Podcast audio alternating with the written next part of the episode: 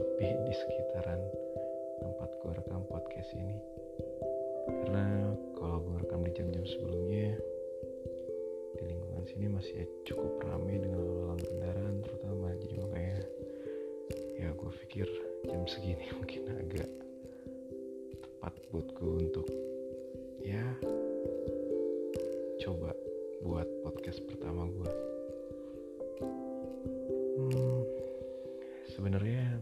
dunia podcast buat gue sih sesuatu yang belum lama juga gue tahu gitu dan belum lama juga gue pengen tahu.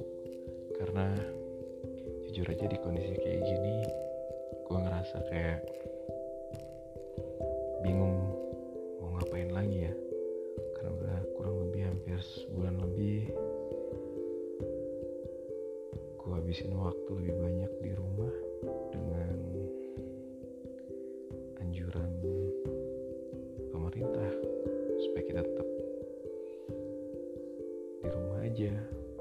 social distancing dan sebagainya. Walaupun beberapa waktu aku sempat juga keluar rumah karena memang sesuatu hal yang gak bisa gue lakuin dari rumah. Tapi terlepas dari itu kondisi kayak gini mungkin yang bikin gue ngerasa kalau anak-anak muda bilang gabut kali ya udah nggak tahu lagi apa yang mau dikerjain pengen cari sesuatu yang baru ya. Salah satunya mungkin podcast ini bisa jadi sesuatu yang baru buatku untuk coba jalanin dan juga coba gue nikmatin. Oke di podcast pertama ini sebenarnya nggak banyak atau memang gue juga belum tahu apa yang harus gue share di sini tapi masa iya nggak ada yang bisa gue lakuin lebih dari perkenalan gue mungkin di podcast pertama ini. Supaya ke depannya podcast ini punya identitas. Dan bisa menjadi sesuatu yang berguna buat gua untuk ngisi kekosongan waktu ataupun buat orang-orang yang akan ngedenger suatu saat nanti entah siapa dan kapan ya oke nama gua Fembi. Uh, seorang family man dari seorang istri dan juga dua orang bocah laki-laki. Gua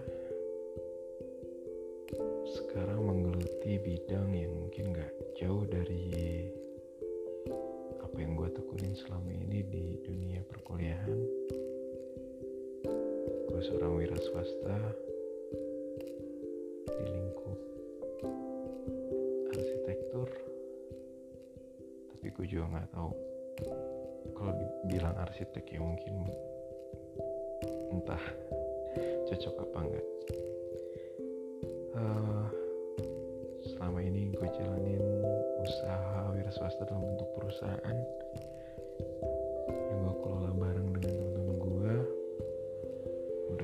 lebih sekitar 10 tahun sejak 2010 dan ya alhamdulillah sampai sekarang masih tetap jalan. Selain itu juga gue ada usaha sendiri nggak jauh-jauh dari lingkup ilmu tadi yang gue udah sampein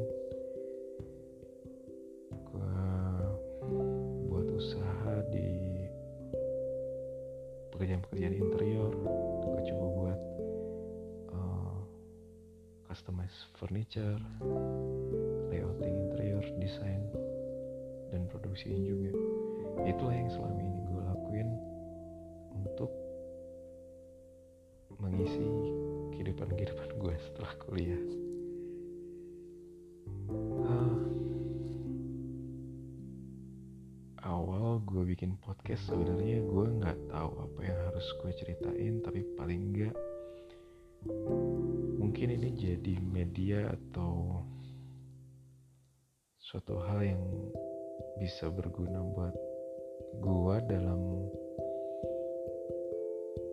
proses untuk menceritakan segala sesuatu yang gue rasain sekarang atau yang gue alamin atau yang memang hal-hal yang ingin gue share untuk bisa gue dapat masukan ataupun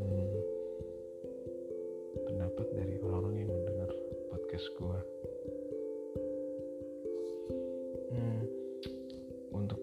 sekarang sih. Gue cuman pengen share sedikit aja tentang apa yang lagi sama-sama kita alamin dalam menghadapi ujian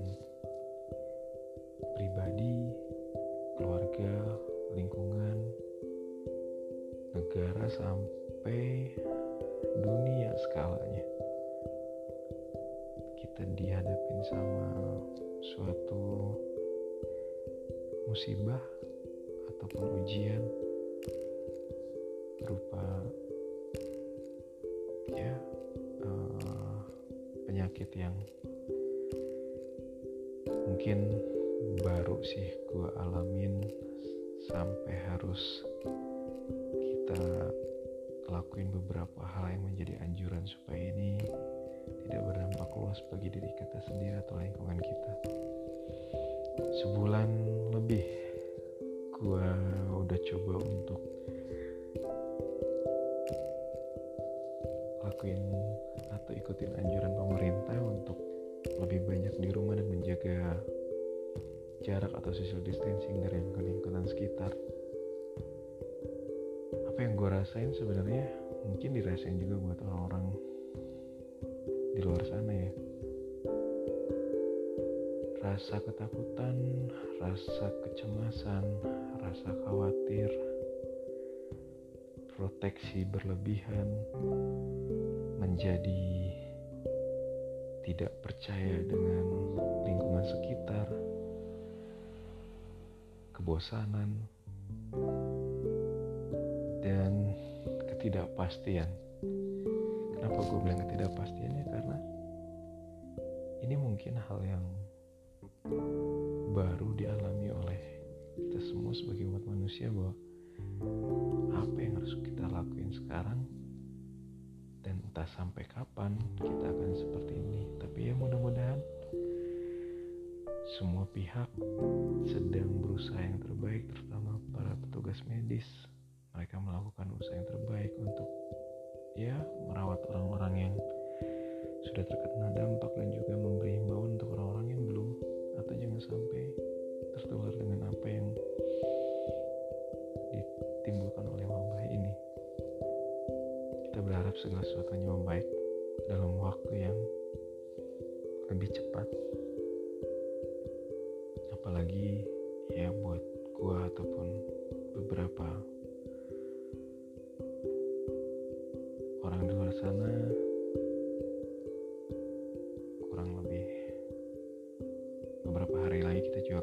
bulan suci Ramadan yang gak kebayang sih bakal seperti apa dan kayak gimana ke depannya mudah-mudahan kita masih dikasih kemudahan kelancaran dalam menjalankan segala aktivitas dan ibadah kita supaya kita tetap masih punya semangat untuk menghadapi ini semua sebagai sebuah bentuk kesabaran.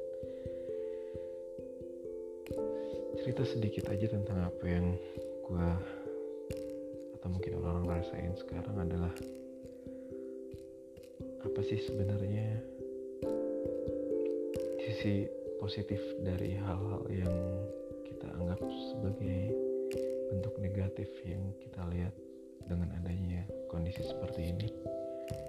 Bagi gua jujur aja dengan keadaan yang seperti ini di mana anjuran gue harus tetap stay di rumah ya salah satunya adalah yang paling penting gue lebih bisa punya waktu lebih banyak dengan keluarga kecil gue gue masih bisa lakuin hal-hal yang mungkin gak bisa gue lakuin waktu gue masih terlalu banyak kegiatan di luar rumah.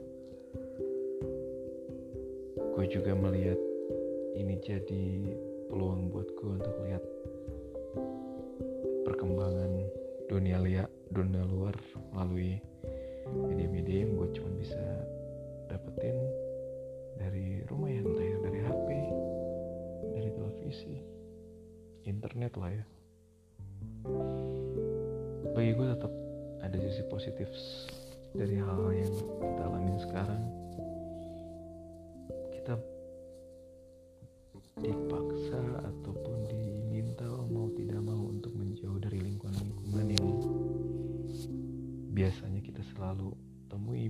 selalu kita dampingi ya.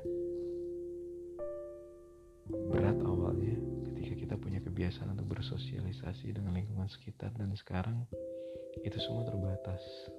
Malah cenderung belum bisa lagi untuk kita lakuin. Dari situ gue ngelihat satu sisi bahwa kita bisa merefleksi diri kita sendiri di saat kondisi seperti ini di saat kita tidak dekat dengan orang-orang yang biasanya bareng dengan kita di lingkungan luar akan seperti apa sih diri kita? Masih bisakah kita hidup sendiri? Atau masih bisakah kita menjalani aktivitas dengan lingkungan yang lebih kecil tanpa adanya mereka? Ya who knows, mau gak mau harus bisa. Dan dari situ juga kita baru bisa melihat bahwa keberadaan orang-orang yang biasanya ada di sekitar kita. Dan sekarang terbatas dengan kondisi seperti ini kita baru tahu bahwa nilai ataupun wujud dari mereka tuh begitu penting buat kita. Dengan begitu ya kita berharap suatu saat kondisi ini membaik suatu saat kondisi ini berakhir kita bisa mengawali lagi sesuatu yang lebih baik dengan orang-orang yang saat ini jauh dari kita sambil kita merefleksi diri kita seperti apa di mata mereka dan mereka seperti apa di mata kita. Sehingga di pertemuan nanti kita sama-sama bisa melihat sisi baik dari keberadaan mereka dan keberadaan kita di antara mereka. Sedih memang kadang-kadang untuk orang-orang yang tidak seharusnya jauh dari kita seperti orang tua kita, kerabat-kerabat atau keluarga besar kita pun sekarang mau tidak mau harus jauh dari diri kita sendiri. Tapi ya dalam kondisi seperti ini kita baru menyadari bahwa kekuatan doa saat kita tidak bisa bareng bersama mereka itu menjadi sesuatu yang penting dan besar sekali. Ada rasa rindu, ada rasa kangen diri kita untuk bisa ketemu sama mereka. Sementara waktu itu sebelum semua ini terjadi kita merasa bahwa kadang-kadang kita ya agak melupakan seberapa penting waktu kita untuk bareng sama mereka. Dan di kondisi sekarang kita benar-benar baru bisa merasakan bahwa sedikit waktu pun kayaknya sekarang tuh udah sangat luar biasa kalau kita bisa ketemu sama mereka. Ya walaupun untuk beberapa orang atau beberapa pihak kondisi ini tidak merubah apa pun karena kebutuhan dan juga kepentingan yang harus mereka lakuin. Tapi bagi sebagian besar otomatis akan merasakan yang sama bahwa kita jauh dari orang-orang yang biasa dekat dengan kita. Oleh karena itu di podcast yang pertama gue gue cuma hanya bisa memotivasi diri gue sendiri ataupun orang-orang yang mendengar gue di luar sana bahwa Yakinlah suatu saat kondisi ini akan berakhir. Yakinlah bahwa suatu saat kita akan dipertemukan lagi dengan orang-orang yang saat ini jauh. Dan yakinlah suatu saat kita akan ketemu dengan mereka dengan kita yang lebih baik dan juga mereka yang lebih baik dan untuk keadaan yang lebih baik. Itu mungkin yang gue bisa ceritain sedikit tentang apa yang gue rasain mudah-mudahan ini jadi awal yang baik buat gue untuk gue bisa buka lagi segmen podcast-podcast selanjutnya. Bagi di luar sana yang mendengarkan silakan berkomentar silakan berikan voice note-nya tentang apa yang gue share kali ini. Mudah-mudahan kita selalu dalam kondisi yang sehat dan dalam lindungan Tuhan. Semoga kita dapat terus mensyukuri apa yang ada dan tetap beroptimis di kemudian hari yang akan kita temuin kita dapatkan kita raih kita cita-citai. Oke selamat tidur buat yang akan segera tidur karena jam di sini udah menunjukkan jam setengah dua pagi sudah terlelap. Sampai ketemu di podcast selanjutnya. Gue Femi undur diri. Selamat pagi dan selamat beristirahat